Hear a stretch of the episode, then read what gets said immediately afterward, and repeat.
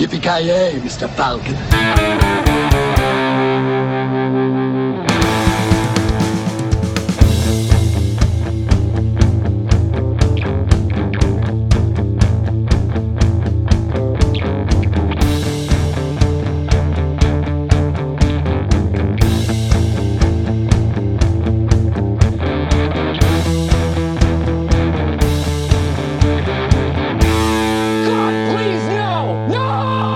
Jajamensan gott folk, hjärtligt välkomna till ännu ett avsnitt av Creative Meltdown Podcast. Ni har med mig Norrköpings egen cyberspace-nisse, Carl Nilsson här. Och med mig har vi då Luleås svar på Steven Merchant som han nu går under själv här. Kvinnotjusaren deluxe. Mr Joakim Avoya, hur är läget? Oj, oj, oj. Det var fan eh, presentation. Ja, men det är svinbra. Gött, gött. Eh, jag älskar ju Steven Merchant så jag eh, tar det som en komplimang.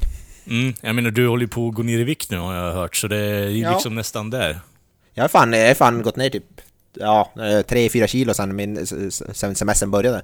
Det är starkt jobbat Jocke, det är bara att fortsätta.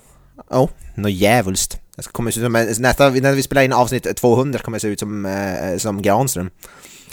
Det är bra, det är bra att ha ett mål i alla fall. Ja. Nej, men som eh, ni kanske hörde här också så har vi med oss eh, ja, Skellhells egen Monotone Man, a.k.a. The Fighting Spirit in Thailand, Mr Joakim Granström. Hur är läget? Jo det är bra. Ny mikrofon och allting, så The Monotone Man kan bli ännu mer monoton, men ljudet blir ännu ljuvare.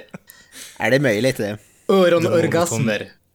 Ja, precis. Orgasmer. Precis. I Urgasmer, Orgasmer. Ja. I stereo. Har du min, alltså, myntar du det precis? Hörde jag rätt? Ja, ja, ja, ja, ja. Fan. Om ingen annan tar cred för det som inte är det alldeles nyss. Historia precis. skapas, gott folk. Ja, för Jag fasiken. känner att Ja, jag känner att Granström får komma hit oftare och göra mer trendsättning känner jag i slutändan. För alltså, Ja. han har ju ändå den största memen vi har i dagsläget på under bältet i alla fall med eh, ja, men, eh, stabilt hantverk liksom. Ja. Jag känner att jag är här för att leverera. Ja, men det är bra, det är bra. Men, eh, ja, hur är läget annars då boys? Det är viktminskning och det är sjukdom och skador har jag hört, men eh, annars då? Ja, Granström så verkar ju alltid ha någonting. Ja, men jag har ont där, eller jag har ont här. Och det gör ont, lite ont där. Alltså jag kände Är du, faktiskt... är, du, he- är du hel nu just nu, Granström, eller? Alltså det var ju det som var grejen. Jag typ sovit snett i natt så jag har haft ont i ryggen hela jävla dagen. Och jag känner mig som värsta pensionären alltså. Varför sover du inte rakt? Det är en mycket bättre idé, tycker jag. Jag la mig rakt men sen så... Jag la mig straight men jag vaknade krokigt så att säga. Ja, fy fan. Eh, det låter som en sån där, eh, sån där historia där någon folk bara jag ramlade och slog huvudet, sen var jag gay. Det låter som en sån historia. Jag, jag, jag la mig straight och vaknade upp. Bent. Åh, för fan vad dåligt skämt. Men I'll take it, I'll take it. Ja, fy fan vad kul. Ja, vad ska vi prata om idag då? Vad har vi på Ja, agendan? you tell me Mr eh, Avoya, du hade ju en eh, Brightburn där i början Ja. som du ville ta upp lite. Så vi hoppar in på den först i alla fall, men sen så ska vi gå över lite på Slipknots nya jävla album, som jag och Granström har lyssnat på. Och eh, sen hade du och eh, Mr Granström sett på en film var också, det är ju då Scary Stories to Tell in the Dark och eh, nya Fast and the Furious film spin-offen där, Hobbs and Shaw, som det blir lite mer recensionsdel på om jag förstod er helt korrekt där. Ja, typ något sånt. Något åt det hållet. Ord kommer att växlas. Ja. Monotont ibland. Ja. Historia En, kommer eh, att skapas. En, Ja, en, vanlig, tor, en vanlig torsdagspodcast liksom. Jag kan inte prata känner jag heller för den delen. Men vi- jag tycker vi hoppar in på Brightburn det istället, Mr Avoya. Eh, Brightburn ja. Uh, först jag tänkte fråga, för du har ju pratat om den här filmen Gran, som du har inte sett den än eller? Jag har ju inte gjort det. Den gick ju inte upp på bio här i Skell heller, så att jag missar ju den tyvärr. Så att... Eh, jag har inte haft möjligheten än, men jag har varit riktigt sugen på den och jag ser fortfarande fram emot att se den någon gång när jag verkligen får möjlighet. Ja, för vi har... eh, Jag vet inte om vi har gjort någon trailer trash eller något, vi har, pra, vi har nämnt den här podden i alla fall. Eller filmen i den här podden i något tidigare avsnitt vet jag. Ja, jag hade det- med den som en dark horse på min eh, Summer Movie Wager i alla fall. Ja, ja det var det säkert det.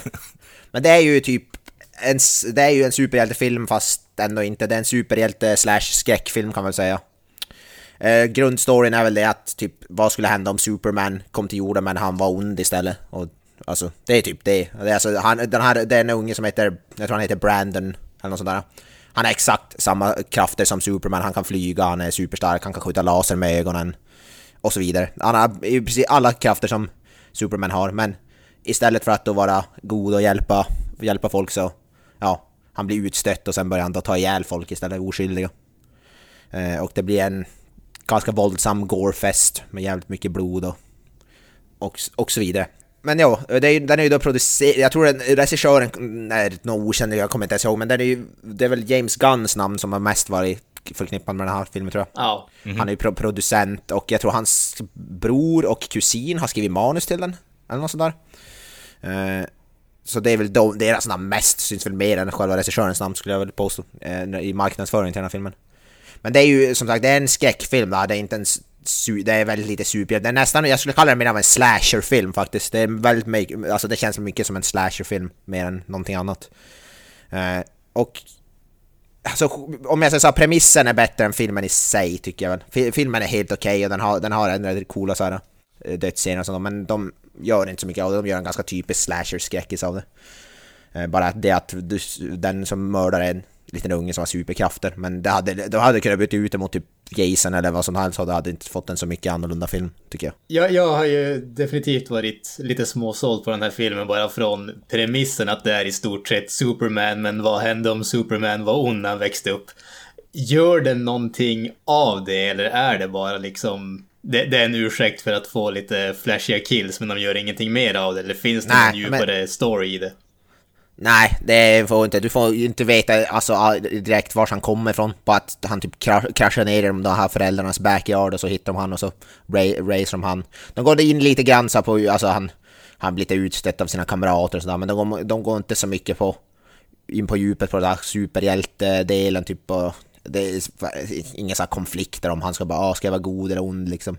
Det är inte så mycket sånt, det är bara väldigt ytligt. Det är mest sådär för att det ska vara, det ska se flashigt ut och det ska vara han kanske ska kunna använda dem för sina krafter för att ta ihjäl folk på spektakulära sätt. Det, det är ju det som är bäst med dem, för döds, det finns väldigt många bra dödsscener och det är väldigt blodigt och sånt där.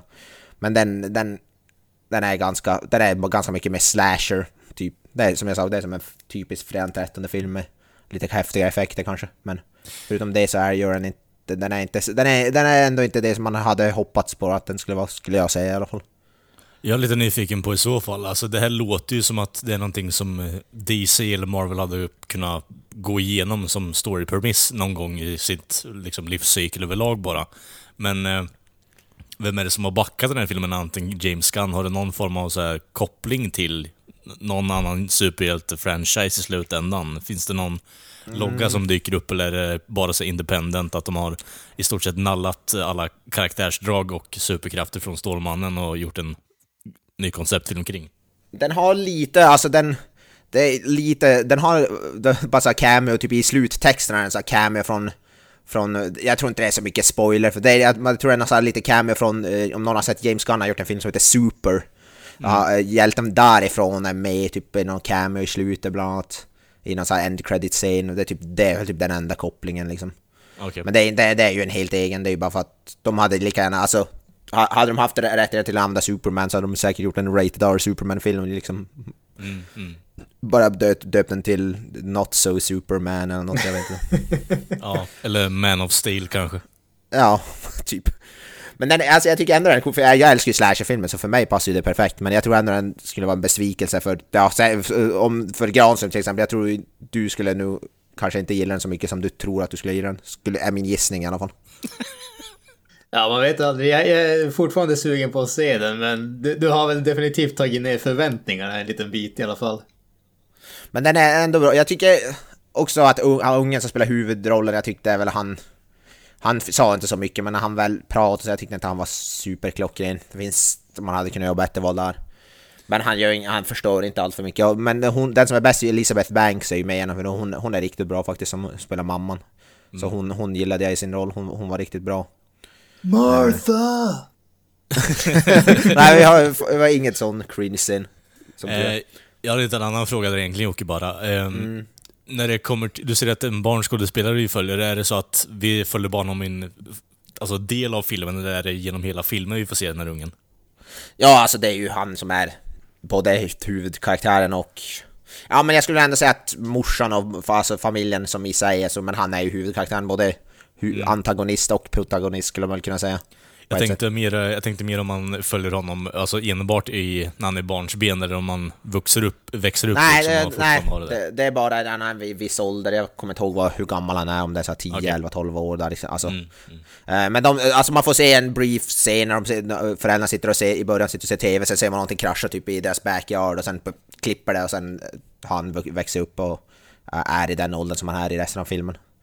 Det är inte, man får inte alls se någon, det är inte så mycket karaktärsutveckling. Det, han går från att vara lite lite så off och så lite så utstött och sen börjar han upptäcka sina krafter och sen går han full-blown psycho typ. I princip. Vänta, är det liksom shot for shot recreation av Stålmannens origin story i stort sett, eller? Ja, typ. Det är exakt så, bara att han är ond och typ dödar folk. Ja, ganska, Okej. ganska, ex, ganska exakt så. Okej. Eh, så jag var inte superimponerad, men jag gillade den ändå för vad den var, så jag skulle väl ge den en stark 6, 6,5 av 10 eller något sånt där. Eh, det, det som får plus för i eh, en credit-scenen så får man en cameo av eh, eh, självaste, jag vet inte om jag vill säga i och för sig, det kan ju vara en spoiler, men man får en, jag kan säga att man får en cool cameo av en skådis i end credit-scenen. Det, kan- det kan jag väl säga utan att säga den. Det tycker jag var lite roligt. Eh, utan att spoila för folk. Så ja, sevärd men inte, gör inte, hade inte, bliv- det hade, det hade kunnat vara mycket, mycket bättre. Så vi får se vad som händer om de gör något mer av det här i fr- framtiden, så att säga. Är det en eh, alltså, regelrätt biofilm vi pratar om nu? Alltså är det värt att gå och se den här på bio, eller är det någonting man kan vänta på i slutändan? Nu vet jag inte om den går på bio länge, men jag tycker man kan... Uh, värt, jag, jag, jag såg den på någon så här video on demand på, på, vad det, eh, på in- intranätet. Jag vet inte ens om den går på bio länge, men jag, jag tycker inte den är... Den, den kan vara värd att köpa i någon reaback kanske, eller något sånt där. Okej. Men eh, jag tycker inte, det är absolut ingen mästerverk och det finns, det finns bättre rated R. Alltså, så pratar man rated R superhjältefilmer så är till exempel Deadpool betydligt mycket bättre tycker jag. Blade. Ja, Blade. Första Blade. Absolut inte Blade 2. Nej, men ja, Blade. Eh, till exempel också. Men ja, det är väl det. Ska vi... Är det lite Corey Taylor och Slipknot som gäller nu? Ja, vad ska man säga? Det är Slipknots första skiva på fem år sedan eh, 2014, All Hope Is Gone. Då har de släppt den nya skivan We Are Not Your Kind nu. De har ju sedan förra skivan tappat eh, ytterligare en medlem. Eh, perkussionisten Chris Fenn har ju slutat, det har ju varit lite turbulent kring bandet i allmänhet ska man väl säga. Men eh, ja, de har då Ja, de, lyckats. har, de, har, de har bytt ut ganska många år Joey Jordison fick väl typ sparken också eller något sånt där. Joe Jordison vart ju kickad, men det var ju innan den förra skivan som släpptes 2014 då, Ja, så det. att det, det var ju ett tag sen. Sen så dog ju basisten Paul Gray ett tag innan dess också, jag tror att det var typ 2010 eller någonting åt det hållet. Så att eh, det, det har ju varit lite, som sagt, lite turbulent under ett, ett tag. Men för var inte förra skivan, var inte det eh, The Grey Chapter? Ja. Inte All Hope Is Gone? Ja, det var ju typ en, eh, lite grann av en hyllning till Ja, exakt. Paul Gray då. Ja. som hade gått bort innan dess. Sen så om man säger allmänt om Slipknot så får man väl säga, alltså de kom ju in i den här lite new metal-vågen där, slutet av 90-talet, början av 2000-talet, men de är väl ett av väldigt få band som ändå har lyckats eh, vara både framgångsrika och eh, relevanta får man säga efter att den där vågen har slutat. Inte minst tror jag därför att de, de lät helt enkelt inte riktigt som någonting annat. Sen kan man tycka vad man vill om det, om man tycker att det är bra eller dåligt, men de, de har alltid haft ett, ett eget sound så att säga. Jag vet inte, eh, Kalle, och du, vars har du legat på bandet så att säga? Är du, har du lyssnat på dem, ignorerat dem eller fullkomligt hatat dem? Eller vad? Jag vet inte, hur ser bakgrunden din ut? Jag har ju haft en sån här jävla edge-period egentligen, där jag har suttit och kollat på band och bara alltså, ryckt näsan åt i stort sett. Och det här har ju varit ett av banden. Sen har jag, eh, har jag i och för sig haft eh, några låtar som jag tycker att de har gjort riktigt jävla bra faktiskt. Men jag har inte varit något superfan, jag har inte följt karriären eh, direkt, har jag inte gjort. Så jag tänkte jag skulle ge dem en eh, ny chans nu med det här albumet, i och med att du sa att det kom ut nytt så lät det lite intressant i alla fall. Jag, vill ju påstå, jag ska ju också lyssna igenom det, jag har inte bara hunnit. Men jag, alltså jag gillar, gillar Slipknot sen jag var jävligt ung. Jag har inte lyssnat absolut inte på alla deras plattor. Jag har inte lyssnat alls på deras förra plattor till exempel. Men eh, jag gillar ju definitivt Slipknot och det är ju nog typ man har växt upp med. De har ju funnits eh, i miljoner, miljoner år höll jag på att säga. Men jävligt länge känns det som. Mm. jag gillar Corey Taylor, alltså jag gillar även hans band Stone Sour, han är ett band som heter som också är riktigt bra tycker jag. Han är en jävligt, riktigt bra vokalist. För övrigt så var ju Jim Root som en gitarr i Slipknot var ju med där också och blev kickad så att lite Corey Taylor har jävla vana av att kicka folk alltså. Ja tydligen, det verkar om det, nu, om det nu är han som kickar, det vet vi inte. Men... Ja, no, no, någon, han blev kickad från bandet i alla fall så att det har väl varit lite, som sagt, lite känsligt läge. Nej, om man bara ska dra lite kort om min egen, jag, jag mina egna åsikter, jag vill lyssna på dem började väl lyssna någonstans kring gymnasiet-ish, alltså ett tag efter att de hade släppt den första skivan och ett tag innan de släppte den, den andra skivan. Och jag tycker väl den andra skivan, Iowa, det är ju den som jag, den som är favoriten för min del, den är ett mästerverk. Jag tycker övriga skivor har varit bra till väldigt bra, men den har varit den klockrena biten och ja. Från, från om man säger de, den övriga diskografin så är det väl den senaste skivan faktiskt, The Great Chapter, som jag egentligen tyckte var svagast. Alla de andra skivorna har alltid varit åtminstone någon låt som har liksom gått in på rotationen om man lyssnar lite grann här och där och sådär. Men från den skivan så var det egentligen ingen som fastnade. Det, det var... Mm.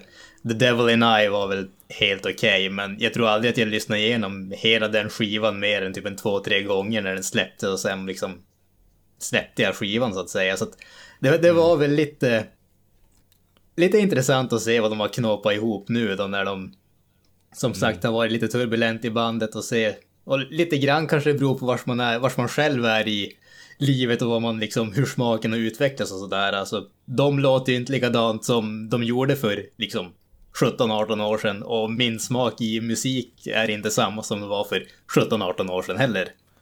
Nej, precis. Och det, det där kan ju... Ja, alltså det är ju bara en kort grej där egentligen, men alltså det är ju det, är det som är så underbart med musik egentligen, att du kan ju ändå bestämma dig för att ah, men nu ska jag sitta och lyssna på speed metal, för nu är jag liksom, behöver jag ryckas upp eller något liknande, eller nu ska jag gå, mm. gå och träna i stort sett, eller idag känner jag mig inte så jävla pigg, så jag behöver ha något eh, annat, lite mer glatt eh, i tillvaron bara för att få igång mitt eget humör liksom. Så det är på ett sätt så är ju det som är så underbart med musik, att, eh, och speciellt för artister och eh, band också egentligen, att de har möjligheten, även om inte många gör det, att prova något nytt ibland också. Men eh, det verkar inte som att de har prövat något nytt här heller, det lilla jag har lyssnat på i alla fall. Om vi... Alltså det är väl det jag tycker med Slipknot, de har väl typ alltid låtit lite nästan... Jag tycker mm. inte de har ändrat sitt sound så jättemycket. Men eh, jag, jag det är ju verkligen sån musik som man lyssnar på när man... Alltså det är ju såhär... Det är så här riktigt arg musik alltså, ja, typ, man vill ta ut, ta ut lite ilska så här, här mm, mm. Jävligt bra såhär avreagera musik så att säga. Ja, Men på tal om... På tal om på tal om Iowa tycker jag alltså bara, alltså inte bara deras bästa, jag tycker det är kanske en av de bättre, bästa hårdrocksplattorna som har släppts alltså överhuvudtaget. Det är en fruktansvärt bra skiva. Jag tycker, jag, jag, jag, som sagt, jag tycker att det, den är deras mästerverk så att säga. Och jag kommer ihåg när den släpptes så var det ändå ganska många som inte var så där överdrivet förtjusta i den. Men jag tror med tidens gång så har den fått lite, lite ökad status bland deras eh, övriga verk om man säger så. Jag, det som jag älskar med den skivan och det är just det här, alltså den är oerhört aggressiv. Det är liksom det är ilska och hat i 100 km i timmen hela skivan igenom. Och det, det där är ju någonting som är väldigt, om man säger typiskt för den tiden. Alltså just det här att, ja, de var yngre, alltså för som sagt 17-18 år sedan när den skivan släpptes, då var de liksom, ja, kring 30 och sådär. Och det funkar när man är i den åldern, det funkade för mig som lyssnade när jag var liksom de sena tonåren om man skulle göra samma skiva än en gång när de liksom ligger mellan 45 och 50 kanske inte är riktigt lika jävla häftigt. Men där tycker jag faktiskt att, eller där håller jag faktiskt inte riktigt med dig, Kalle. Just att de inte mm. har gjort någon förändring. Jag skulle säga att det har varit en gradvis förändring, alltså från mm. genom de övriga skivorna. Den här, lyssnar man på Iowa och den här skivan så tror jag att du kommer att höra väldigt stor skillnad mellan dem. Däremot om man tar dem som stegen emellan med skivorna däremellan mm. så känns det inte som ett, om man säger, gigantiskt avsteg på något som helst sätt. Däremot så tycker jag att den här skivan känns mer fokuserad än vad vissa av de tidigare skivorna har varit och kanske mest då The Great Chapter som inte riktigt fastnade för mig. Just mm. den här skivan tycker jag ändå den, den börjar väldigt aggressivt med, om inte första låtarna där, och sen så, Ja. liksom efter, jag, sex, sju spår så lugnar den ner sig mot andra hälften av, av skivan, och där kanske, det, det är väl kanske lite grann där jag tycker att den tappar lite, lite styrka, om man säger så. Jag, ty- jag tycker om att de gör, enligt mig, olika grejer och försöker nya knep och sådär. Men samtidigt finns det ju en känsla av att det som de gör absolut bäst, det är den där aggressionen som de, som de har. Och det, det är ju svårt att få, om man säger en vettig beskrivning på det här, när det känns som att å ena sidan, jag älskar den där aggressionen, jag vill lyssna med den, men man vill inte att det ska vara samma aggression som det var för nästan 20 år sedan. Det, det måste finnas en utveckling där också. Och det blir, det, det blir ju som att man sätter dem mellan a rock and a hard place så att säga. Jag vill att de ska förändras men jag vill också att det ska vara samma som det var förut men inte samma sak. Det, ja. Ja. För, för jag är i stort sett så, det jag, jag har ju lyssnat igenom den här nu idag bara för att, eh, liksom igen. Men alltså de, eh, det är fortfarande fyra samma låtar som fastnar för mig egentligen. De är på andra hälften som du beskriver där. Och jag tycker ändå att, visst, även om de första har aggressiviteten som du pratar om, så får ju jag mer tillbakablickar till att okej, det är precis sånt här jävla radiometal de spelar hela tiden om och om igen. Mm. Eh, och det sticker inte ut överhuvudtaget. Och jag kan tycka att varför ska man ens fortsätta göra det? För om man nu på något sätt som band kanske i slutändan eh, inser att okej, nu har vi gjort det här samma knepet i 20 år plus liksom. Varför inte pröva något nytt för? Och jag tycker att de tar verkligen hem det med, dels med Elias Funeral, Funeral faktiskt. Den är, den är en riktigt jävla bra låt. Och sen Red Flag följt av den också egentligen. Um, Eh, så det är två bra låtar i rad där eh, på um, andra hälften av skivan som jag tycker är riktigt jävla bra. Jag har några andra som vi kan ta upp lite senare också som jag tycker är, förtjänar en väldigt stor call-out faktiskt. För det, eh, det finns några guldkorn på den här skivan, vilket jag inte riktigt var beredd på, så det, det ska de faktiskt ha. Men lite intressant att du tyckte att det, den hälften var sämre då i så fall. Ja, det var inte den hälften av skivan som jag tyckte om att lyssna på mest om vi säger så. Om det sen är, som sagt, om det bara var att när jag lyssnade på den så var jag inte in the mood för den typen av musik. Jag kan säga dessutom, jag, jag har inte bara lyssnat igenom skivan en gång, utan jag lyssnade igenom den en tre gånger front to back och sen när jag liksom hoppar lite grann mellan låtarna också. Så att det är inte så att jag bara liksom lyssnat igenom den en gång och bara okej det här är that's it ungefär. Nej men precis, men det har inte jag heller. Men som sagt, jag var tvungen att lyssna igenom dem igen nu, bara för att. Så. Men här är känns det som en liten intressant tankeställning här. För då, du är ju ändå en, du är ändå musiker så att säga. Jag är ju i, inte ens i närheten av det. Tondöv och kan inte sjunga någonting sånt. Eh, frå, frågan där lite grann kan ju vara, alltså, om du analyserar skivan på ett annat sätt i och med att du har en viss förståelse för komposition, för hur instrument ska låta och sådana saker. Jag, jag är ju ändå en, jag tycker om musik, men i slutändan är jag ändå en idiot när det kommer till hur musik är skapad och strukturerad och alla sådana saker. Jag besitter inte språket för att analysera musiken på det sättet, åtminstone inte på samma nivå som du gör.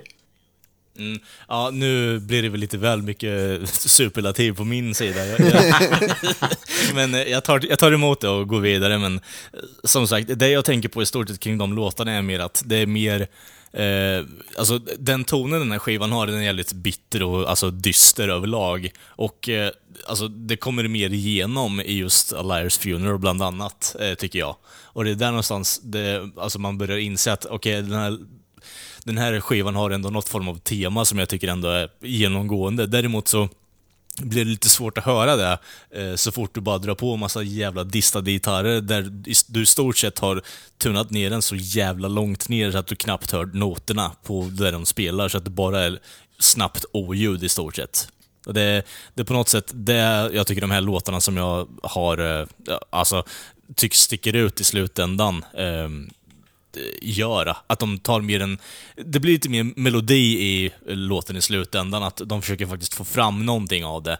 Sen så, visst, allting i den här skivan kan jag tycka är lite så här smått överproducerat med alla effekter och sånt. Och eh, Det finns stunder i Alias Funeral som faktiskt är jävligt så här cluttered. Jag kan tycka att den låten hade varit mycket, mycket bättre om det bara hade varit eh, stunder där Ehm, eh, Corey Taylor får göra sin grej med rösten och den akustisk gitarr, samt som att i refrängen så kommer det bara in liksom så här dånande jävla oljud som de har resten på skivan. Jag hade, jag kunde tycka att det är mycket, mycket bättre än att du har en så här eh, du får något så här skränande gitarrljud i bakgrunden till och från. Eh, och att du lägger för jävla mycket effekter på allting och allt annat också egentligen eh, runt omkring på den låten. Men annars så... Det finns en stor potential i de låtarna, tycker jag i alla fall. Så det, det är kul att se ändå. Att man går från att ha varit en tonåring som egentligen bara har hatat på massa skit till att man prövar nya saker och upplever att, ah, men fan, det, varför har jag inte lyssnat igenom på det här för egentligen i slutändan? Så det, det, ser det här mer som en introduktion till att jag kanske lyssnar på mer Slipknot-låtar eh, i slutändan faktiskt. Jag tycker ju, när det kommer till Slipknot, att de är nästan bäst. De blandar lite så här lugnare och lite, alltså kan gå ut som typ, om vi tar så låt som, alltså Psychosocial och sånt där som har lite lugnare partier och sen går, så här, bryter ut så här skik. Jag tycker nästan de är bäst när de är så. Uh, Wait and Bleed är ju en klassisk låt från Iowa-skivan bland annat. Uh, Wait det är and Bleed är bäst. från den första skivan. men- Ja, ja okej. Jag, koll- jag, kollade upp, jag kollade upp nu Iowa och då stod den med, stod den med där under tracklisten så det var, det var skitsamma. Eh, men ja, eh, när, i alla fall, jag tycker då som Slipknot är som bäst. Tycker jag, när de blandar lite grann. Även om, som vi sa, att de, det kanske är lite mer på senare tid de har blivit så. Än. För i början var det väl jävligt mycket som ilska så. Men så, hur skulle ni säga att den här skivan är då lite som åt det hållet, lite mer blandat då eller?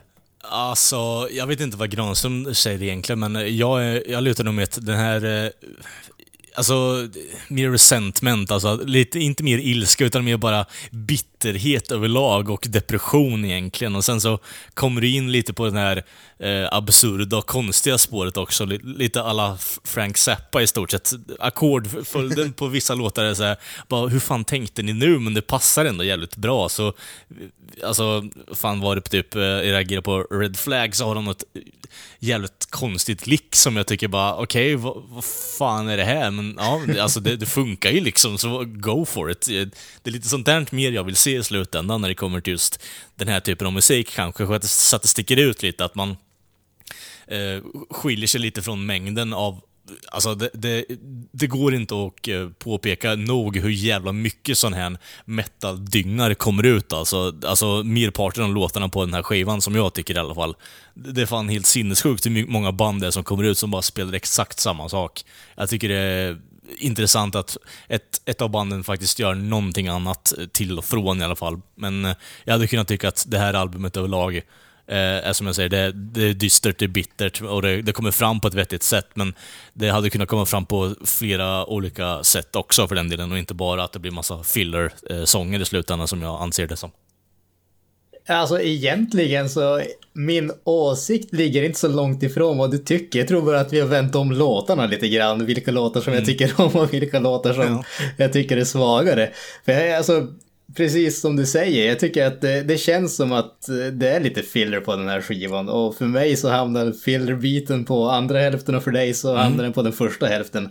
Men eh, överlag så tycker jag ändå att eh, jag tycker ändå att det är en riktigt bra skiva på det stora hela och jag känner definitivt att jag måste ta och ge, kanske speciellt den andra hälften, lite mer tid att eh, lyssna igenom och få, få lite mer känsla för de låtarna. Men som sagt, som det är nu så är det ju den där aggressionen som jag tycker om, eller de, de aggressivare låtarna, och de är definitivt på den första hälften. Men Jo, jo. Sen så alltså, det finns absolut någonting att säga med, som du sa tidigare, att det känns lite, lite överproducerat, lite, det är lite för shiny så att säga. Och å ena sidan, jag håller med, å andra sidan när du har typ, vad är de, åtta stycken, nio stycken i bandet så känns det som att ska det inte bli en sån där uh, muddled mess där liksom du har ingen musik utan det är bara oljud så måste det vara väldigt shiny för att du ska överhuvudtaget kunna få ut någonting av det för att det ska faktiskt låta Jo, jo. som musik. Så det, det, det finns en, jag, jag, jag är beredd att ge dem en liten pass för det även om jag generellt sett brukar tycka om när det är lite, lite grimy, lite dirty och sådär. Det, det känns ändå lite roligare tycker jag. Det, det här är en sån där skiva som jag kan säga mig jag går omkring och lyssnar på den när jag liksom är hemma och lagar mat och sådana grejer. Men det är inte den skivan där jag kommer att ta tag i liksom bordsbänken och bara helt plötsligt börja headbanga till den om man säger så. Alltså, jag den här, jag, börjar- jag sitter och kollar, för jag blir rätt taggad. Jag sitter och kollar så här, jävlar vad den har blivit hyllad den här skivan, om man ser betygsmässigt. Den ligger på så här Mm. Metacritic så här 93 av 100 i snittbetyg typ. Ja, den har fått riktigt, riktigt bra betyg. Å andra sidan Mm. så fick ju den förra skivan, The Great Chapter, fick också riktigt, riktigt bra kritik och jag tyckte Ja. inte alls om den så att, ja. Nej, i och för sig. Ja men, eh, låt, verkar ju faktiskt lovande. Det här är ju, alltså, jag hatar att säga det, men alltså, är det så att du är i behov av en riktig så här jävla träningsskiva så är det faktiskt eh, ett bra supplement. De första sex låtarna i alla fall, eh, om du skippar introt där också. Eh, där är det riktigt jävla bra drag faktiskt. Eh, är det så att du på något sätt vill få ut något mer av eh, albumet i sig så är det nog fan andra hälften skulle jag vilja säga, men ehm, jag kan tycka att det borde vara lite mer bättre uppdelat så att det inte är någon så här väldigt markant skillnad från ena och andra hälften också för den delen. Jag kan tycka att eh, det, ja, men eh, vi har pratat om det innan och att upplägget på ett album inte spelar någon roll i och med att alla lyssnar bara på låtar, eh, alltså enskilda låtar numera istället. Eh, men jag kan tycka att det, det som lyssnare, jag, jag tycker om att dra igenom album bara gång för gång. Eh, alltså, vissa låtar har jag ju, men eh, när jag lyssnar på ett album så vill jag ju ha en bra liksom, resa i slutändan också, om det makar någon form av sens. Ja, men det kan, det kan jag hålla med om. Alltså det, det finns absolut en, eh, vad ska man säga, en, talang eller en baktanke alltså när det kommer till hur, hur man ställer upp eh, låtarna i ett album, alltså låtföljden och allting sånt. Det, det kan göra jävligt stor skillnad för hur du uppfattar ett album och sånt där. Och sen finns det ju absolut en viss typ av, vad ska man kalla det, dynamiken, vad ska man kalla det, till hur, hur, hur du får ett flyt mellan låtarna och sådär. För nu är det ju väldigt eh, 100% framåt första hälften och sen så är det andra hälften betydligt lugnare.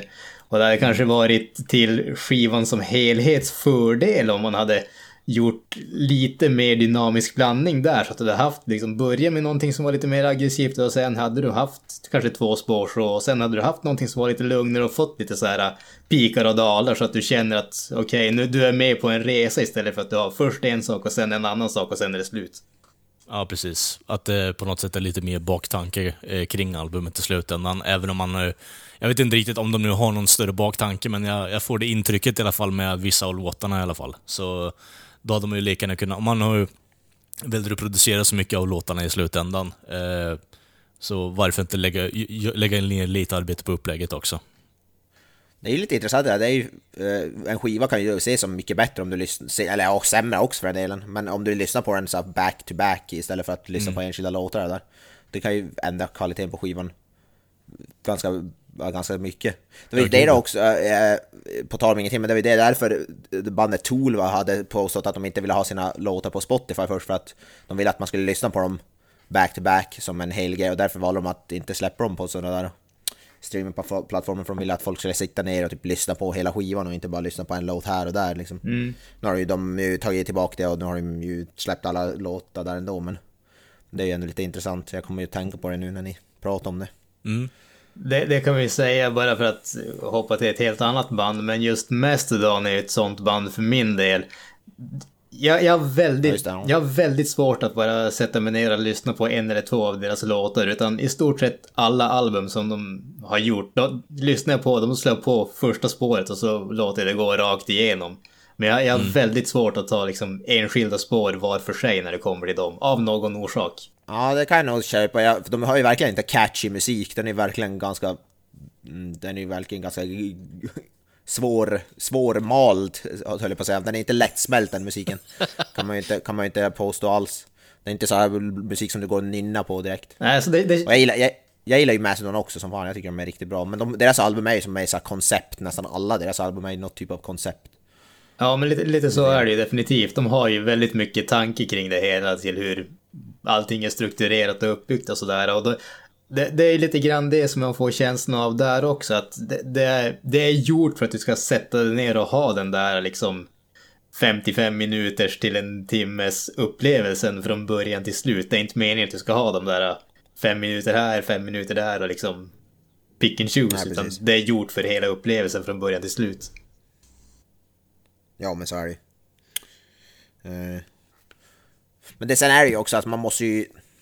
man kan ju inte, man kan ju inte alltid förvänta sig det utav folk också. Man ska, måste ju kunna, alltså båda låtarna måste ju stå på sina egna ben på ett sätt också, så det är ju lite svår, svårt det där. Det beror på vad det är för, liksom den där progg-rocken eller vad man ska kalla det som Mastodon gör, den är ju kanske inte sån där, ja, lyssna på en låt och sen gå vidare liksom. Där är ju mer såhär, lyssna på hela albumet medans någonting mer, alltså då kan Slipknot som är någon kanske lite mer radiovänligt eller vad man ska kalla det, kanske fungerar bättre som, där kan man lyssna på enstaka låtar utan att det förstör liksom.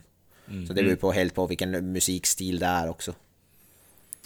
Jo, alltså konceptalbum är ju det är ju en döende konst om vi säger så i och med att det, det, får så lite spelning i slutändan att du kan inte ta ut en del för då förstörs ju hela historien i stort sett. Det är mm, väldigt exakt. frekvent i det sammanhanget i alla fall. Men jag är lite nyfiken nu Granström, nu har vi gått igenom albumet i stort sett, för jag tycker ändå att det här finns, det finns potential i det här albumet också, jag tycker ändå att det, det är inget dåligt album. Det, som sagt, första halvan är jävligt bra träningsmusik, så det, det finns nytta för det. Eh, och sen fyra låtarna på, på andra halvan där, som jag tycker är jävligt bra, som sticker ut. Mm. Eh, ger lite kvalitet bakom det också. Men eh, vilken av låtarna är det du tycker det är så top notch då? Vilken är det som sticker ut mest för dig? Alltså jag måste ju erkänna, tråkig som man är när det kommer till att välja singellåtarna, men jag tycker ju Anse inte där riktigt jävla bra. Och jag älskar att de faktiskt uh, vågade ta med den där kören också. Vilket mm. kändes som ett... Alltså direkt när jag hörde kören komma in där tänkte jag vad fasiken är det här? Men jag tycker verkligen att det funkar. Och det, det, jag vet, det kändes annorlunda men ändå hemvänt, hemvant om man säger så. Jag, jag vet inte. Det, det, är en sån där låt som ger mig lite varm och mysig känsla, så mycket mysig känsla man kan få av Slipknot antar jag. Mm. Sen tyckte jag faktiskt också att uh, det låten som du nämnde tidigare, A Liar's Funeral, tyckte jag faktiskt var riktigt, riktigt bra den också. Mm, mm. Uh, ja, jag vet inte riktigt vart jag står egentligen. Alltså, det första som du säger, ansikten med kören där stack ut ordentligt. Det, det var ändå så okej, okay, det var inte riktigt det jag förväntade mig av det här bandet, för om man har lyssnat på typ uh, låtar som, uh, vad fan heter den då? Uh, Before I Forget, bland annat. Ja, Eh, men alltså, den som jag tycker sticker ut mest, alltså, det, den, den är så jävla udda och det, det, är ett bra riff och det är bra driv i den. Spiders eh, tycker jag är riktigt jävla bra på den här skivan. Sen är det ju som sagt Alaris Funeral, Red Flag och eh, sista låten eh, hade en så jävla bra uppbyggnad tyckte jag. Det började väldigt så sombert och lugnt och sen så sakta men säkert stiger volymen och då drar det igång till full riff liksom och så kör de hela vägen ut. Det var ett bra avslut på skivan tyckte jag faktiskt. Men eh, Orphan My Pain och Not Long For This World eh, var riktiga jävla skitlåtar faktiskt på slutet. Så jag kan ge det att eh, ja, de delarna på andra halvan var riktigt jävla på kassa faktiskt. För det, de gick ingenstans, gjorde de inte, tyckte jag. Mm. Jag har en fråga till Granström. Vad tycker du om Corey Taylors nya mask? Jag hörde att du hyllade den här ett annat avsnitt. Åh, oh, fy fan. Ja, alltså Tom vill... Savini hade väl designat den? Det, det har han. Och vill man eh, se ut som en eh, efterbliven 15-åring så är den fantastiskt välgjord dessutom. Tom Savini har verkligen lyckats frammedla hur, eh, hur efterbliven man kan se ut när man sätter plast på ansiktet. Jag vet inte, jag tycker inte alls om den, eller illa, lika illa om, om den som du gör. Jag tyckte, den, jag tyckte den såg obehaglig ut på ett sånt där. Alltså jag vill inte sitta och se på den. På, för mig är det ett bra betyg. Jag tycker den ser typ creepy ut. Ja. Jag vet inte vad den ska föreställa. Jag vet inte riktigt vad den ska föreställa. Det är som något människoansikte fast som du säger typ lite retarderat kanske. jag tycker det ser för jävligt ut men men. Så, så kan det vara. Man, jag, jag lyssnar på dem för musiken och inte för maskerna. Jag vet jag tycker det är en cool del av deras image, där maskerna, att de, de spelar ju verkligen alla konserter med masken, de tar ju inte av sig dem. Eller någonting. Jag tycker ändå det är en cool del. För mig, jag gillar ju när en band har en cool image ändå. Alltså, jag gillar ju när det är så spektakel eller lite grann. Sånt gillar jag. En, en snubbe själv som står med gitarr på en scen liksom. Det tycker jag är aptråkigt, även om musiken kan vara underbar. Går jag tycker om det. your kind of shit så att säga. Ja, exakt. Jag tycker, därför, därför jag älskar jag, jag tycker Slipknot, är, alltså jag har inte sett dem live, men jag har sett live för, för framträdanden på, alltså online och jag tycker de verkar ju galet bra live. Jag har en bra undertitel till bandet. Eh, ta sovrummet till eh, scenen. ja, precis. Nej men sånt gillar jag. Alltså, jag hade, att se dem live någon, någon dag hade ju varit jävligt häftigt. För det verkar ju... De har jävla energi i alla fall kan man ju säga lugnt på scenen. Hoppar, Corey Taylor hoppar ju omkring som en galning typ. Men om ni skulle betygsätta själva skivan då? Vad skulle ni göra Kalle till exempel?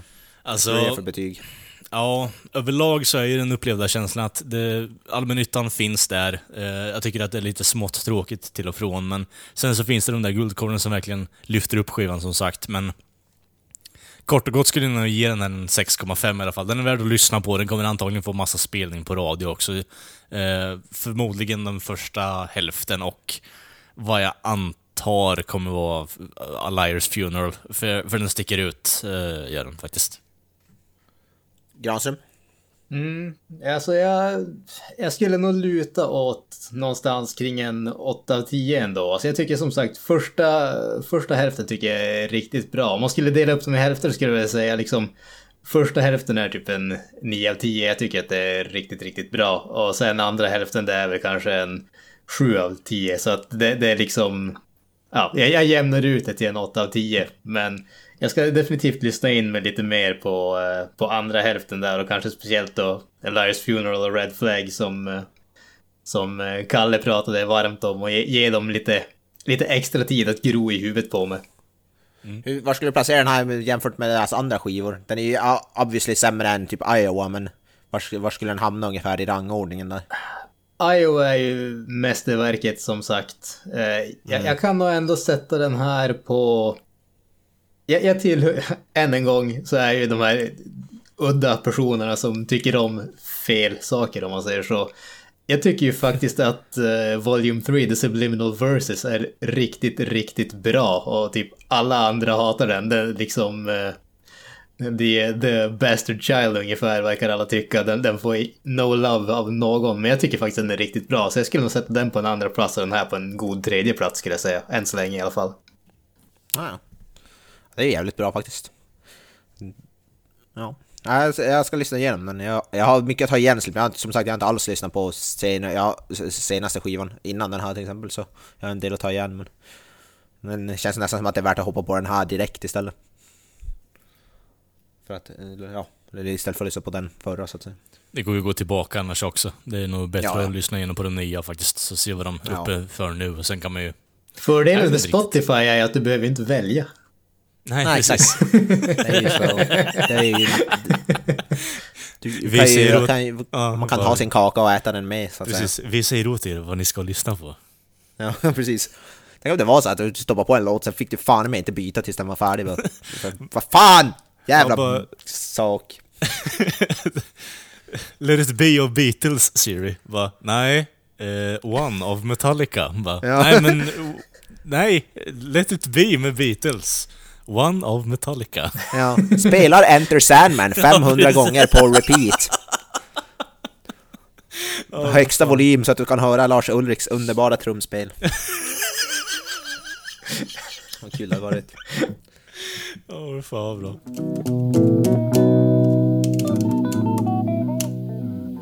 Ja, men eh, jag har i alla fall jag har varit på bio eh, igår kväll faktiskt. Jag har sett en film som heter Scary Stories to Tell in the Dark. Säg det fem gånger snabbt. Det är en eh, skräckfilm då, eh, som är regisserad av eh, en eh, norrman som heter, eh, med reservation för uttal, André eh, Ö- Övredal, Överdal, någonting sånt där. Jag ber om ursäkt om jag slaktade namnet. Han har regisserat eh, en film som heter Trolljägaren, eller The Troll Hunter, bland annat. Och en film som heter The Autopsy of Jane Doe. Två filmer som jag gillar väldigt mycket. Eh, Så jag har varit väldigt sugen på den här filmen ett bra tag faktiskt. Och den är ju baserad på en serie barnböcker från 80 och 90-talet. Så det är som en skräckfilm baserad på en barnbok kan man säga. Det är lite intressant. Men Ja. var inte det där en antologifilm också i slutändan, eller? Alltså att det är bara korta historier, alltså det är intervaller av... Nu var det den här historien och sen hoppar de vidare till nästa, Ja, det, det, är, det är typ så, men ändå inte. Det är som det, all, samma karaktärer med i hela filmen. Ah. Eh, Men jag kommer in på det på storyn, men i alla fall, det är ju som sagt det är baserat på en serie barnböcker, tre böcker tror jag, som var jävligt populära då, eh, när de kom ut. Och det är ju då en barnvän, för den är ju PG-13, det, det, så det är inget, alltså, den är inte rated R. Vilket jag kan väl förstå, man kan väl inte göra en film baserad på barnböcker och göra en rated R, det hade varit jättemärkligt. Men den är ju, eh, och här är det ju samma som med Brightburn, den här eh, Guillermo del Toros namn har ju synts rätt mycket i samband med den här filmen, för han har ju producerat och varit med och typ skrivit manus eller något sådär. Åh fan. Eh, Så hans namn syns ju nästan mer än regissörens i det här. I det här. Och han är även med och pro, promotar filmer och gör intervjuer och sånt där. Och det märks ändå, jag tycker ändå många varelser sådär har lite såhär Guillermo del Toro-feeling i den här filmen. Så det märks ändå att han har haft med ett finger i spelet tycker jag. Och den har lite av den här, eh, Guillermo del Toro har lite såhär fairy tale feeling över sina filmer. Eh, lite såhär sagostundskänsla och det tycker jag också märks i den här filmen ganska, ganska mycket. Så, så det, det är så, som med James Gunn och Brightburn, det är som samma situation här. Guillermo del Toro är typ mer attached med den här filmen än vad då regissören. Men i alla fall, storyn i den här filmen är, det är en grupp eh, barn, ungdomar, jag vet inte, de är kanske unga tonåren möjligtvis. De, eh, det är ett halloween, de klär ut sig, de går ut till ett, eh, till ett eh, hemsökt hus, eller till ett hus som de sägs vara hemsökt i alla fall. Eh, I det här huset hittar de då en bok med en massa historier. Och sen tar du en av den här huvudpersonen då, en, en tjej som heter Stella, tror jag hon heter, tar hem den här boken och då märker hon att då börjar i den här boken börjar det skrivas historier om dem, om den här gruppen av barn. Börjar boken skriva sina egna historier och då det som händer i historien händer då till de här barnen på riktigt så.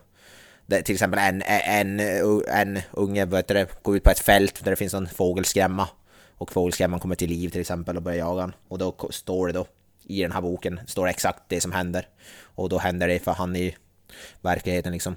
Eh, eh någon, någon tjej som vet du, är väldigt såhär perfektionist om sitt utseende och ska se bra ut, hon börjar få så här eh, såhär typ finnar eller något såhär och så börjar hon Alltså, så det kommer ut spindlar kommer ut ur huden på henne och sånt där. Och det, ja, det, är- det jävligt, den scenen var ju inte alls rolig. Speciellt om man har såna här, jag hatar ju insekter så den scenen var ju lite eh, vidrig så att säga. Men det, det, så det är i alla fall grundstoryn, de här, stå, här historierna kommer till liv så, och så händer det till dem som eh, i verkligheten. Och den här filmen den är den är som sagt, den är, den är PG-13 så den är inte, det, det är inget gore eller, eller nudity eller något sånt där. Så vill man se sånt så... Jag, jag har sett massa folk som har klagat på What the fuck, where is the R-rating? Bla bla, alltså det är typ det är en folk, folk säger om den här filmen online innan de ens har sett den men... eh, jag, jag tycker att det, det här är ett bra bevis på att man kan göra film, en bra skräckfilm utan att behöva släpa, släpa på en massa gore och grejer. För den, jag tycker den har en den har en hel del obehagliga scener faktiskt som jag, jag tyckte var obehagliga och Ja, den där har ju sina vanliga jump scares. Men det är ändå inte allt för många sådana, det är bara en som handfull, inte så här Som det brukar vara i moderna skräckfilmer, så här s- jump scare på jump scare på jump scare. Så det gillade jag också. Det låter som att det är mer typ psykologisk terror utifrån det du beskriver det som, så det, det låter ändå intressant. Ja, det, det, är, det är ju massor, som sagt, Guillermo del Toros inverkan syns ju igenom på, speciellt på monsterdesignen. Jag tycker det känns som att det är någonting som skulle kunna vara med i typ såhär Pans labyrint eller någonting sånt där. För må- många av de här storiesarna innehåller ju någon typ av monster som, som, som jagar dem liksom. Jag, jag gillar speciellt en av de här som, han hade någon det är en, kille som han hade en dröm om att han var fa- fast i något eh, sjukhus, mentalsjukhus med, och så, eh, med alltså det är helt rött överallt, röda lampor och så, här, så blir han jagad av någon jävligt obehaglig tant typ. Den, scenen tyckte jag var riktigt välgjord och obehaglig till exempel. Jag ska inte ge, ge, ge, ge iväg alla som, det, det, det är ju behållningen med det här är de här eh, i historien, för alla har ju som olika grejer som de är rädd för och vad som då händer dem sen i slutändan. Mm. Men jag tycker den här... var, Ja, eh, men det var tre historier som du sa att det typ i stort sett utspelar sig i, i filmen då, eller? Ja, det, är- nej, det är mer än så. Det är, de är, det, det är den här gruppen som är i det här huset som blir då påverkade och det ja, nej, de är väl ändå en fyra, fem stycken eller vad det är. Så det är ganska många sådana olika. Ja, så alla får en varsin i stort sett, eller vadå? Ja, ja alla får någonting som händer dem. Eh, och så, ja, får de hantera det på olika sätt. Det är en, en story som, till exempel då är det någon, han är bara hemma själv, vad heter det, en snubbe och så. Så, så, så det är lite intressant för då sitter ju de och läser boken samtidigt och sitter, sitter och säger åt dem att Åh, det här kommer hända och det här så bara, vad, vad, vad händer härnäst och så, sånt där. Det, det är lite intressant det där. Så kan de som förvarna om vad, vad som ska hända så kan de som försöka förhindra det, även om det inte går så bra. Men, eh, men jag, jag gillar den här filmen skarpt, jag tyckte den var jävligt läcker gjord, som sagt Det kändes väldigt mycket som en Guillermo del Toro-film och det gillar jag, jag gillar ju Guillermo del Toro precis som alla andra vettiga människor gör Eh, jävligt cool monsterdesign tyckte jag. Jag tyckte, och väldigt ändå sparsmakad CGI. Det var något monster där som var lite CGI men förutom det så var det väldigt lite sån av den varan. Eh, skönt att se att man använder lite mer så praktiska effekter och inte så mycket eh, CGI och inte mycket blod och sånt där. Är det, är, är det en sån där skräckfilm som går på atmosfär eller är det mer jump scares eller var, var skulle du sätta den i balansen där? Jag tycker, jag, jag tycker ganska lite jump scares faktiskt. Jag tycker det här känns lite mer som ett... Jag vet inte hur man ska... Det känns nästan som... Den har lite så Stranger Things feeling av, av sig, lite sån där... Det är lite så här blandning av skräck och... Jag vet inte, det är svårt att förklara men det är... Det, det, den, känns, den känns inte, den har inte så obehaglig stämning hela tiden. Den, ibland har den så här lite så här, nästan mysig, hem, trevlig så här fairy tale feeling liksom. Och ibland då när det blir läskigt då kan det bli lite obehagligt. Men det är aldrig att det går så här överstyr. Jag tycker den håller, som, den håller sig ganska mellow på, på ett bra sätt. Det är aldrig att den blir så bananas crazy typ eller någonting sånt där. Som typ såhär det, senaste det blev ju rätt galen mot slutet. Liksom. Den har, det blir aldrig riktigt så tycker jag. Uh, jag jag vet inte, jag tycker den, den, känner, den, den har en sån där liten... Den har lite, man känner att det är som en ba- ba- barnbok eller bok, för den har en, verkligen en sån där feeling ö- över sig som är svår att sätta finger på, men som jag gillade i alla fall. Så, så om man gillar, som till exempel Granström som dyrkar Guillermo del Toro tror jag skulle gilla den här skarpt faktiskt. Känns right up your alley nästan. Ja, jag får definitivt ta och kolla in den. Det, lå- det låter ju intressant alltså. Mm, så jag skulle ändå ge den en 8 av 10 i alla fall i betyg tror jag. Jag, jag tyckte den var riktigt bra och ja, jag, jag, ska, jag ska kolla in de här böckerna som de är baserade på. Jag har hört att de kanske inte är så speciellt läskiga, de är mer såhär kanske snygga och bra illustrerade men att storyn i sig är lite, lite såhär, ja, väldigt o, o-creepy och mer, som sagt det är ju som barnböcker så de är inte, de är inte så, så out there liksom. Men jag tycker man har gjort, har lyckats göra en så pass bra skräckfilm och så pass obehaglig ändå till, alltså till viss del obehaglig i alla fall. Ändå tycker jag bedrift med tanke på basmaterialet. Det känns, känns inte som att det kan vara helt lätt liksom.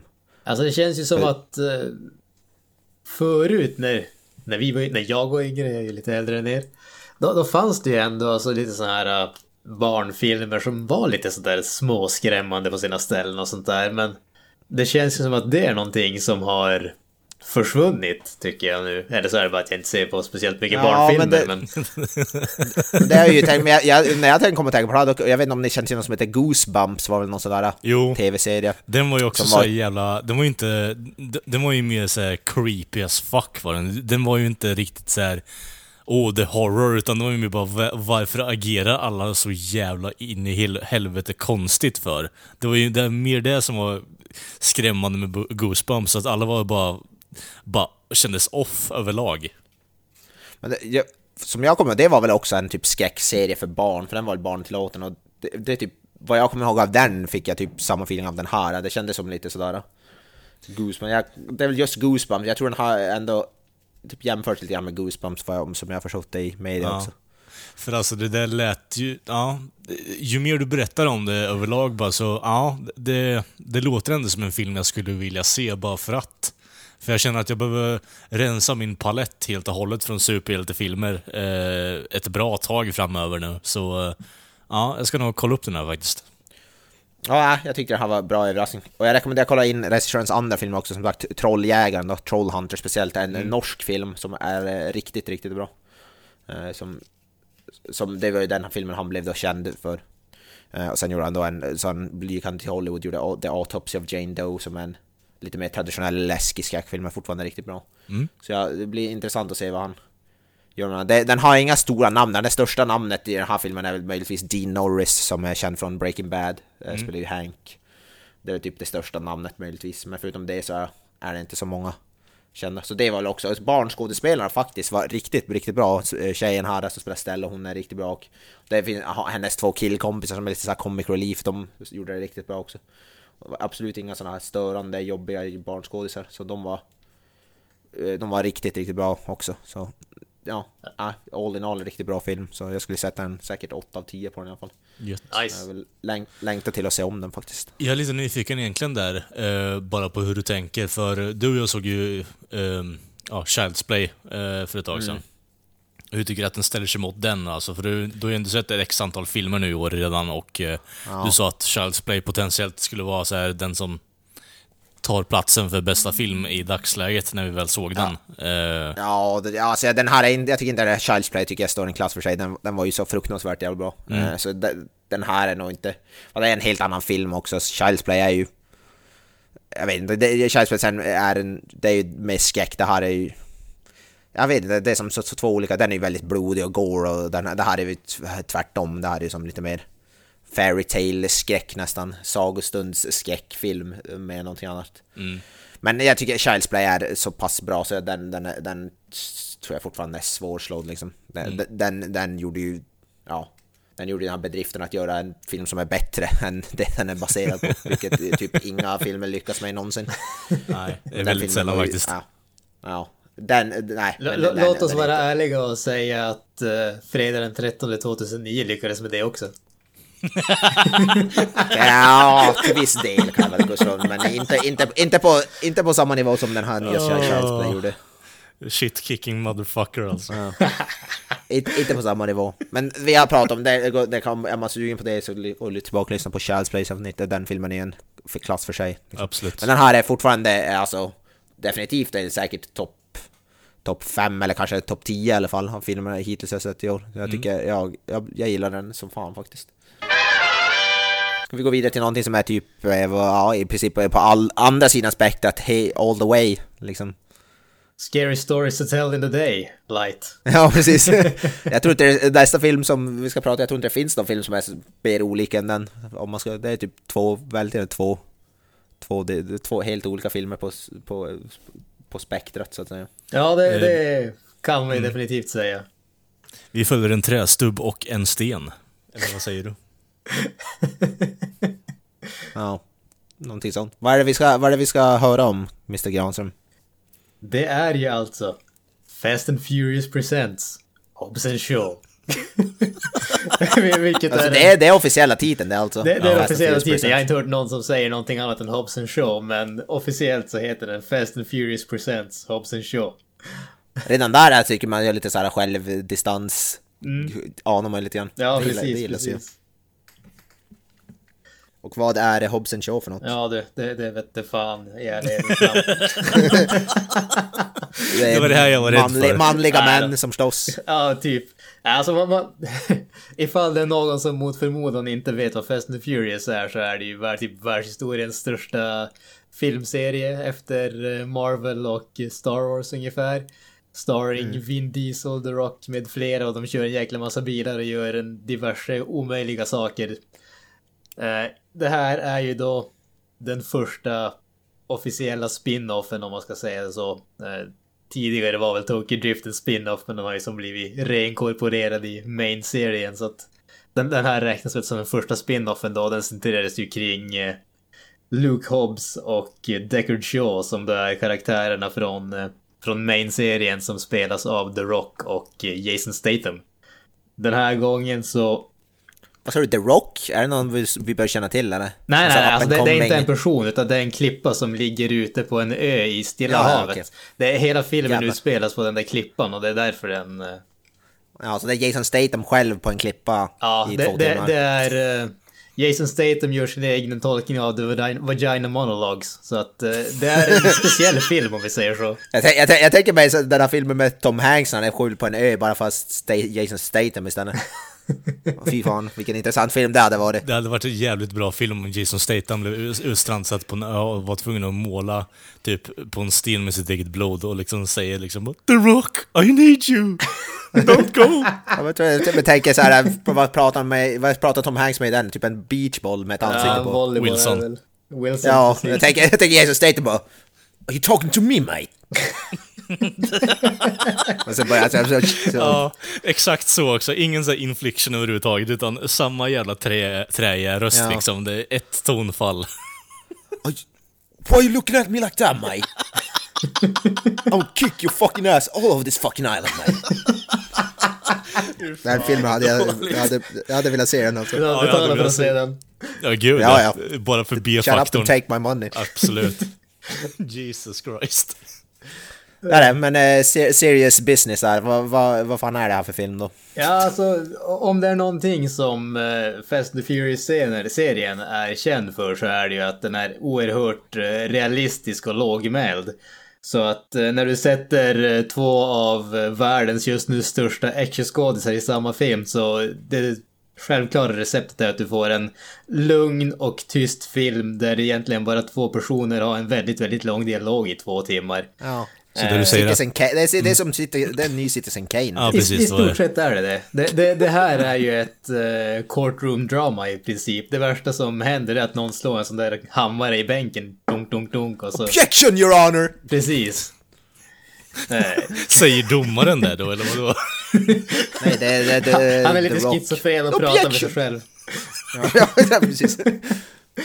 Eh, nej, men om, om vi då ska gå, gå in på den uh, lågmälda handlingen här så eh, det har eh, skapats ett eh, virus som kan ta död på hela väg, mänskligheten ifall det hamnar i fel händer. Det är en snubbe vid namn Brixton spelad av Idris Elba som är på jakt efter det här viruset. Men MI6 lyckas eh, komma före, eller rättare sagt, eh, han dödar alla utom en och hon injicerar sig själv med det där viruset, vilket givetvis ger oss en eh, countdown om man säger så, innan eh, hon dör och viruset frisläppts.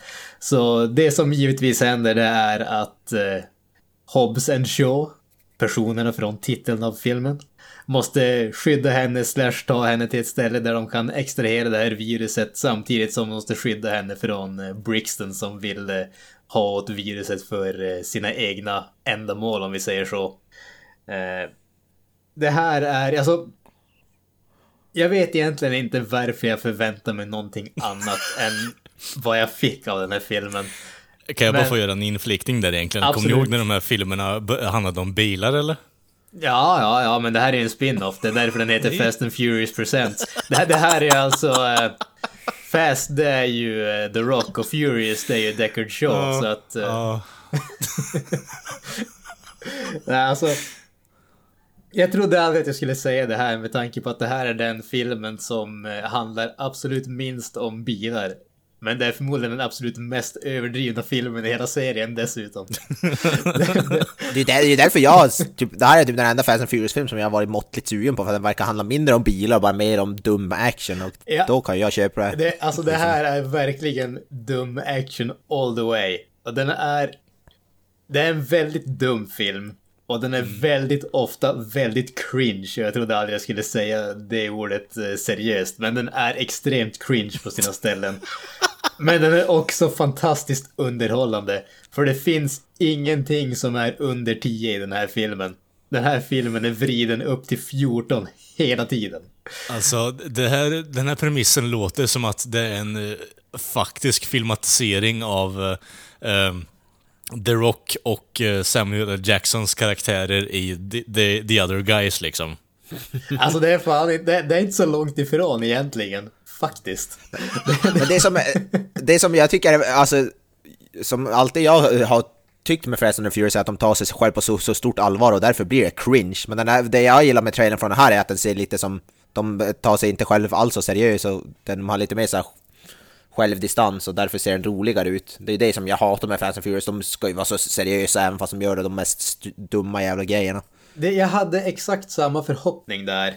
Och Ja. jag måste säga att när jag såg filmen kändes det faktiskt inte så. Det, den har, alltså, det, det är definitivt mer humor och mer komedi i den här filmen än det var i de andra filmerna i serien. Men förvånansvärt ofta kändes den ganska så påklistrad. Alltså, The Rock är ju tveklöst den charmigaste actionhjälten som vi har haft på år och dagar.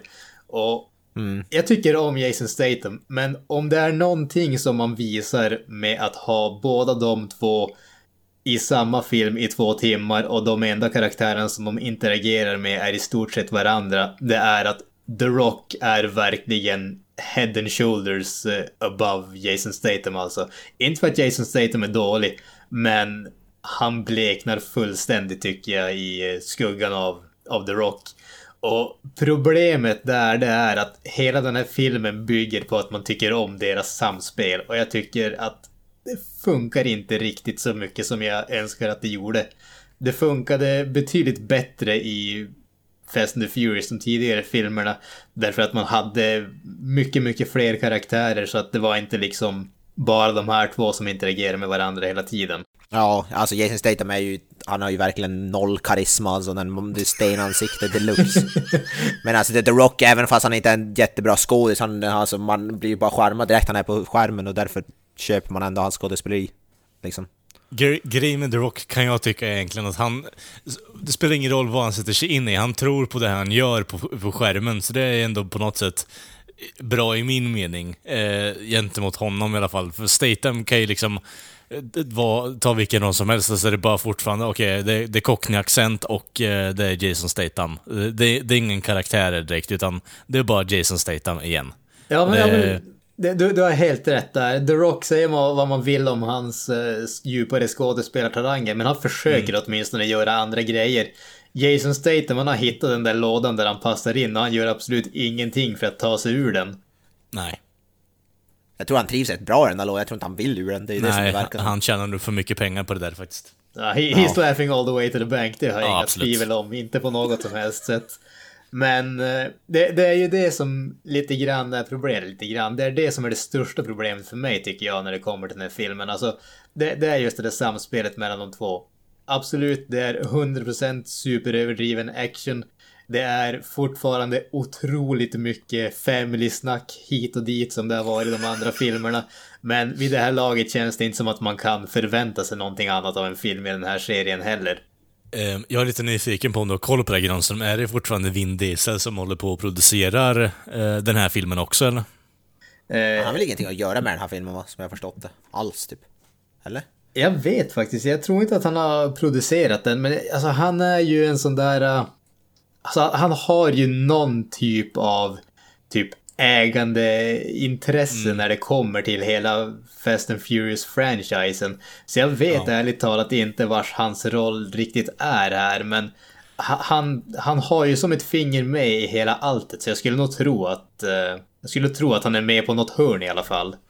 Men, jag, jag för mig att, när, att det var många som var förbannade på den här filmen för att den skulle sätta käppar i hjulet för att det skulle komma en ny Fast and the Furious. Var det inte den här... Nej, det var ju den, vad fasken heter den svarta killen? Tyler Gibson? Ja. Det var fasken hette... Ja, Therese, ja det var något sånt där att han, de, bara, han typ tweetade väl till The Rock bara “Please don't make the spin-off movie” bla bla bla typ. Nu, nu, nu ska jag, ärlighetens namn där, inte för att jag är en som bryr mig speciellt mycket om kändisskvaller och sånt skit är att han har en karriär som inte är något som helst eh, att hurra för. Det enda som han gör har varit Fast and the Furious och jag har för mig att i samma veva, så tiggde han pengar av Will Smith.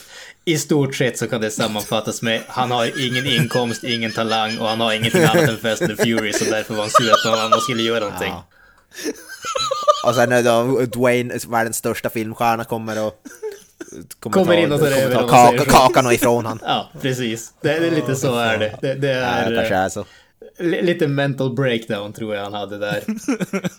Men det, det, är en sak som jag var intresserad av den här filmen, Idris Elba spelar någon typ av, vad är det, han har en sån här superkrafter typ, eller sån, de säger The Black Superhero säger de ju typ. Black Superman. Ja.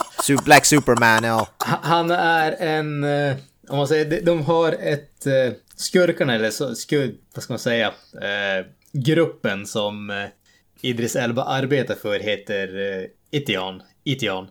Och ja. eh, det som de håller på med är typ förbättra mäns mänskligheten, eller deras mål är att förbättra mänskligheten genom att eh, göra diverse, om man säger, tekniska ingrepp. Så att han, han är liksom lika mycket maskin som människa nästintill. Så ja, det, det, det, är därför och det är det som är, om man säger, hela, hela deras grej där. Och Idris Elba, jävligt bra skådis. Jag vet ju inte om det här är direkt en film som tänjer på hans skådespelartalang om vi säger så. Ja. Och det, kan, det kan man ju säga också är en, en av grejerna där. Alltså han... Som sagt, han är en jävligt bra skådis men de rollerna som han har gjort har ju aldrig varit de mest... Eh, mest fysiskt krävande om man säger så. Han är ju inte liksom en stor actionhjälte, det är ju inte det han är känd för. Nej, nej. Och Han är ganska lågmäld som skådespelare skulle jag påstå. Precis, och det märks ju, och det måste jag säga överlag. Den här filmen har en oerhörd mängd CG och green screen, alltså även på ställen där det kändes som att det, det inte behövdes. Alltså det, det är på gränsen till att det känns som Marvel-filmerna, alltså det är knappt att man ser på en live action-film, man ser på en extremt högbudget tecknad film ibland känns det som. Jävlar. Så att eh, jag måste erkänna att jag, det, det var faktiskt en, eh, en rejäl besvikelse för mig. För jag menar, The Rock, wrestlare, det är inte så att han inte liksom klarar av att göra grejerna som de gör i den här filmen. Jason Statham, vi har sett han i andra filmer, han vet hur man tar hand om en bra actionscen. Det är liksom, det är inte där det sitter fast, men problemet är att du har de här två gigantiska egorna som ska vara liksom två av världens största liksom actionhjältar. De klarar inte av att vara sämre än någonting annat. Jag menar, det, det är ju förmodligen det som är problemet. Nu spekulerar jag givetvis, men jag tror att det är det som är problemet.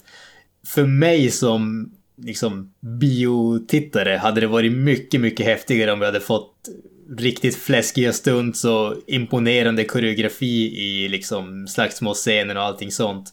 Istället känns det som att vi kollar på någonting som är 25% koreografi och 75% dataanimationer och green screen helt enkelt.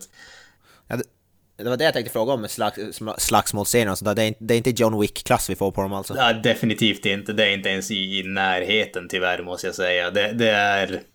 Jag skulle säga att det är nästan det som är den största besvikelsen för mig när det kom till den här filmen. Alltså visst, dum handling, skådespeleri, whatever. Men går man och ser en sån här film med de här två actionhjältarna förväntar jag mig att man ska få se någonting som är imponerande fysiskt sett och så att säga. Och kändes fan inte som att jag fick det. Så vad skulle du säga är de mest imponerande? Du har sagt de minst imponerande, men vad är det mest imponerande med den här filmen då? Alltså det... Även om jag har suttit och klagat på att det är jävligt mycket CG och sådär, alltså finns det faktiskt några jäkligt häftiga scener. Alltså speciellt när det kommer till... Eh, när det kommer... Idris Elba har en, vad ska man säga, en självkörande motorcykel. Som jag tyckte faktiskt så jävligt Okej. cool ut. Och den, den, eh, den rör sig på ett jävligt häftigt sätt vid, vid vissa scener. Så det, det tyckte jag faktiskt om. Sen så är det ju alltså humorn överlag tycker jag inte är riktigt på den nivån där jag önskar att den skulle vara. Men när den sitter så kan det faktiskt vara gode jäkla kul måste jag erkänna. Alltså det, det är... The, The Rocks charm kan vinna över jävligt mycket måste jag säga. Ja, men så är det ju. Även om filmen i sig säger kass så tycker man oftast att... Till exempel den här Baywatch var ju värdelös, men ändå på något sätt så lyckades jag ta mig igenom den just bara på grund av, av hur charmig The Rock är. Mm. Eh, Så där vi visar att man kan gå, komma ändå en bit på dåligt skådespeleri men med charm. Eller ja, dåligt, det, det är väl lite att vara elak men inte jättebra skådespeleri kanske. Han, han alltså jag, jag tycker ändå att han är... Han är en bra skådespelare, men han kommer aldrig att vara känd för sitt skådespeleri om vi säger så. Nej, det kommer men det behöver man ju inte alltid, uppenbarligen. Nej, han är ju för ikonisk i wrestlingvärlden tyvärr alltså. Ja. Ja, så är det absolut. Det skulle ju vara coolt om vi fick någon så här, äh, verkligen, man väntar ju på någon sån här Oscarsframträdande, han, går ner flera kilo och spelar någon sån här cancersjuk patient eller något där, och så vinner han, vinner han fem Oscars typ. Eller, något sånt. det, hade varit, det hade varit coolt om vi fick se det innan vi, i vår, inom vår livstid, få se i en sån The Rock-roll. Ja, men Jag var det inte, vad fan heter han då? Rapparen? Uh, 50 Cent var det. Han, han, gjorde inte, han, han gjorde väl någon sån där roll, han gick ner typ jättemycket, han spelade någon sån där typ, jag kommer inte ihåg vad det var, som var typ cancersjuk eller något sånt där. Det var väl någon sån där gammal fotbollsnubbe eller någonting åt det hållet. Han, liksom, han gick verkligen in för rollen, alltså det, det var liksom Christian Bale-nivå på det hela och sen vart filmen totalsågad. Ja, det kan säkert stämma.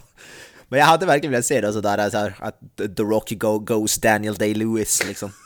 Det vill man ju, det vill man ju se.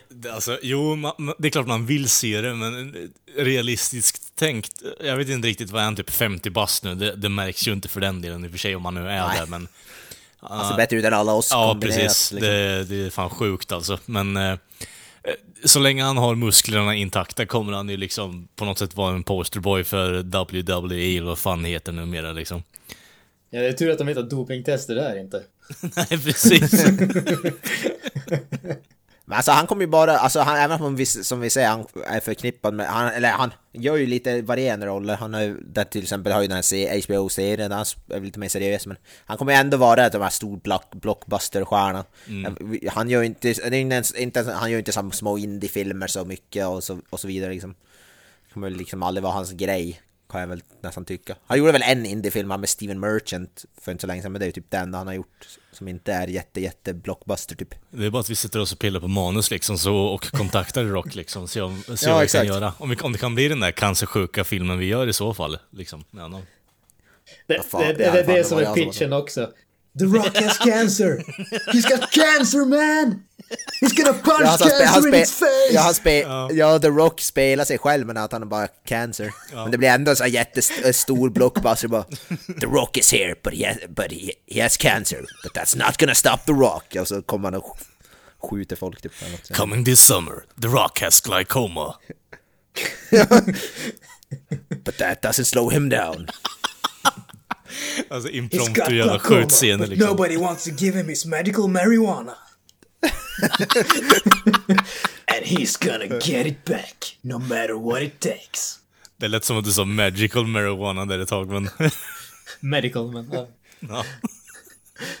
Fast ma magical marijuana, det är väl ganska nära sanningen det också. Jag kan tycka i och för sig att det, det är det som vi kommer undan med PG-ratingen där också, att det är magical marijuana istället för medical. ja, precis. What do you mean you're out of, uh, out, out of marijuana? I'm gonna tear this shit up! Så tar han fram en machine gun bara ja! Ja, jag, jag, jag är nästan villig att börja skriva, pilla på den manuset nu bara för att liksom, och tweeta The Rock på Hey, check our script out man.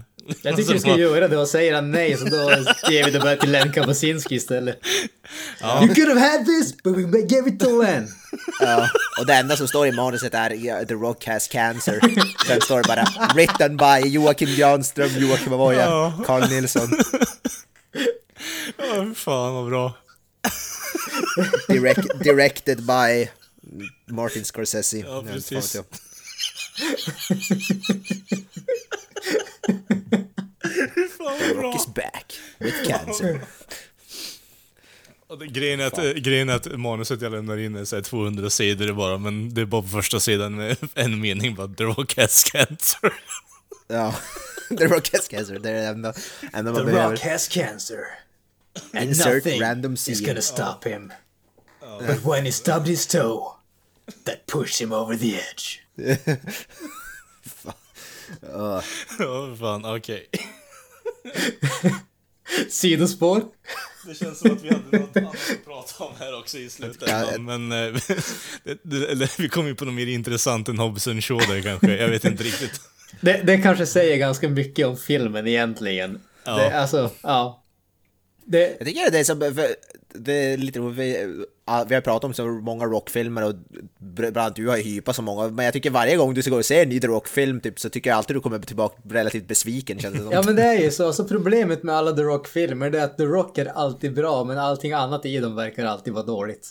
Det, det är ju det som är problemet, om vi någonsin fick en film där allting annat i filmen var lika bra som The Rock. Mm. Det, det är det som är förhoppningen. Vet du vad jag tror det största problemet i dagsläget är när det kommer till rockfilmer? Är att eh, det är typ såhär Zlatan-syndrom på det där. Att eh, man slänger in The Rock i sin film bara för att liksom, man tror att det kommer bli skitbra. Den kommer ju tjäna pengar i slutändan, men den kommer inte bli ihågkommen. Och det är det som är det största dilemmat med The Rock överlag, bara att han tar ju så välbetalda storfilmer som floppar, inte floppar, men de är ju totalt värdelösa, men de drar in kosing utav bara fucking helvete för att han är med där. Det hade varit intressant om man såg The Rock som sagt i någonting helt annat. Mm. Alltså all seriositet. Att ge The Rock är med i en skräckfilm till exempel, det hade ju som aldrig hänt, men det hade varit sjukt häftigt om det gjorde det liksom. Mm. Ja, på tal, alltså inte för att det har någonting med skräckfilm att göra, men en film som jag är jävligt sugen på, det är ju faktiskt Jumanji 2. Den första Jumanji är ju riktigt jävla bra faktiskt.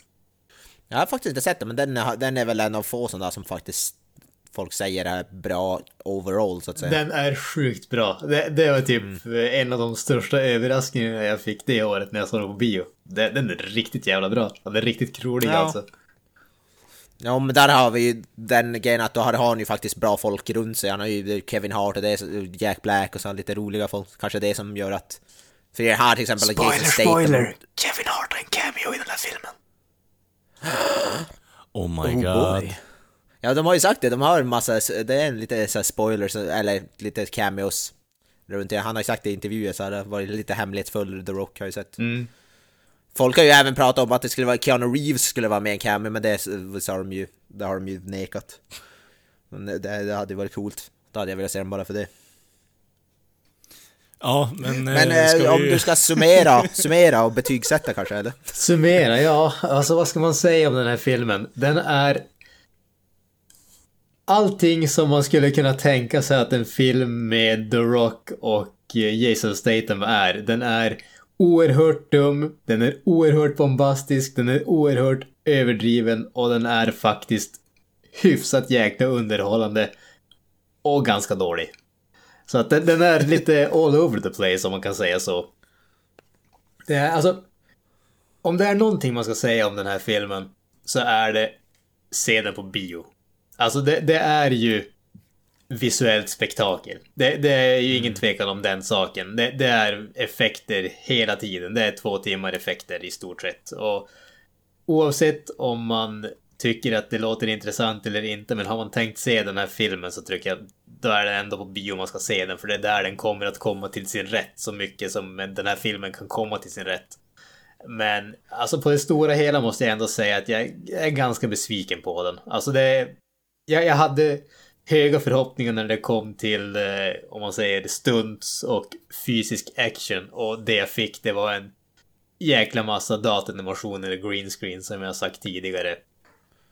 Den är helt okej okay ändå tycker jag. Men den är absolut inte i närheten av att vara bland de bättre ens i den här serien. Det var det jag tyckte var, du säger att det dåliga slagsmålsserien, för regissören är väl David Leach tror jag, eh, Ja. som har gjort, bland, bland annat var med och gjorde första John Wick, och då har man ju det, han är ju en stuntperson, liksom stuntman. Och då har man ju förhoppningar på att det ska vara så här riktigt bra scener, så det är ju lite besvikelse att det verkar inte vara så. Ja, nej, det, det är absolut inte så. Den här filmen har verkligen ingenting när det kommer till eh, John Wick, alltså när det kommer till koreografi och stunts och sådana saker. Tyvärr, måste man säga. Den... Ja, är ju besvikelsen. Ja, men alltså i slutändan skulle jag säga att det är en... nå- Någonstans 6,5-7. Alltså det, det är inte en bra film, men det är ändå godkänd underhållning. Det, det är... Två, det, alltså det, det är två timmar verkligen hjärndöd action. På ett sätt som man sällan ser. Men då så, gott folk. Eh, vi gör så här att vi stänger upp butiken och eh, vi drar helt enkelt Hobson Show i säcken där. Och eh, ja, eh, vi syns ju nästa vecka. Ni hittar oss på sociala medier som eh, Facebook, Twitter, Instagram, YouTube och... Eh, så Instagram, det gjorde jag. Eh, jag har ingen koll på det. Ni hittar oss på sociala medier, ni söker bara på eh, Creative Melton Podcast, gör ni där. Intelligens där, det gick ner nu, börjar lite trött och varmt här inne nu. Men vi har ju även vår egen hemsida också. Det är ju då creativemeltdownpod.wordpress.com också. Och där dyker det upp lite andra checka grejer som recensioner och annat intressant. Eh, ja, annat än det gott folk så hörs vi och syns nästa vecka. Och eh, då blir det Tarantino special om allting går vägen. Men vi siktar på det i alla fall. Så, boys, avslutande ord här innan vi lägger på. Hail Satan! Eh, Då följer jag upp med ett väl valt Peace Out. Och eh, jag säger bara bye. That's it, man. Game over, man. It's game over.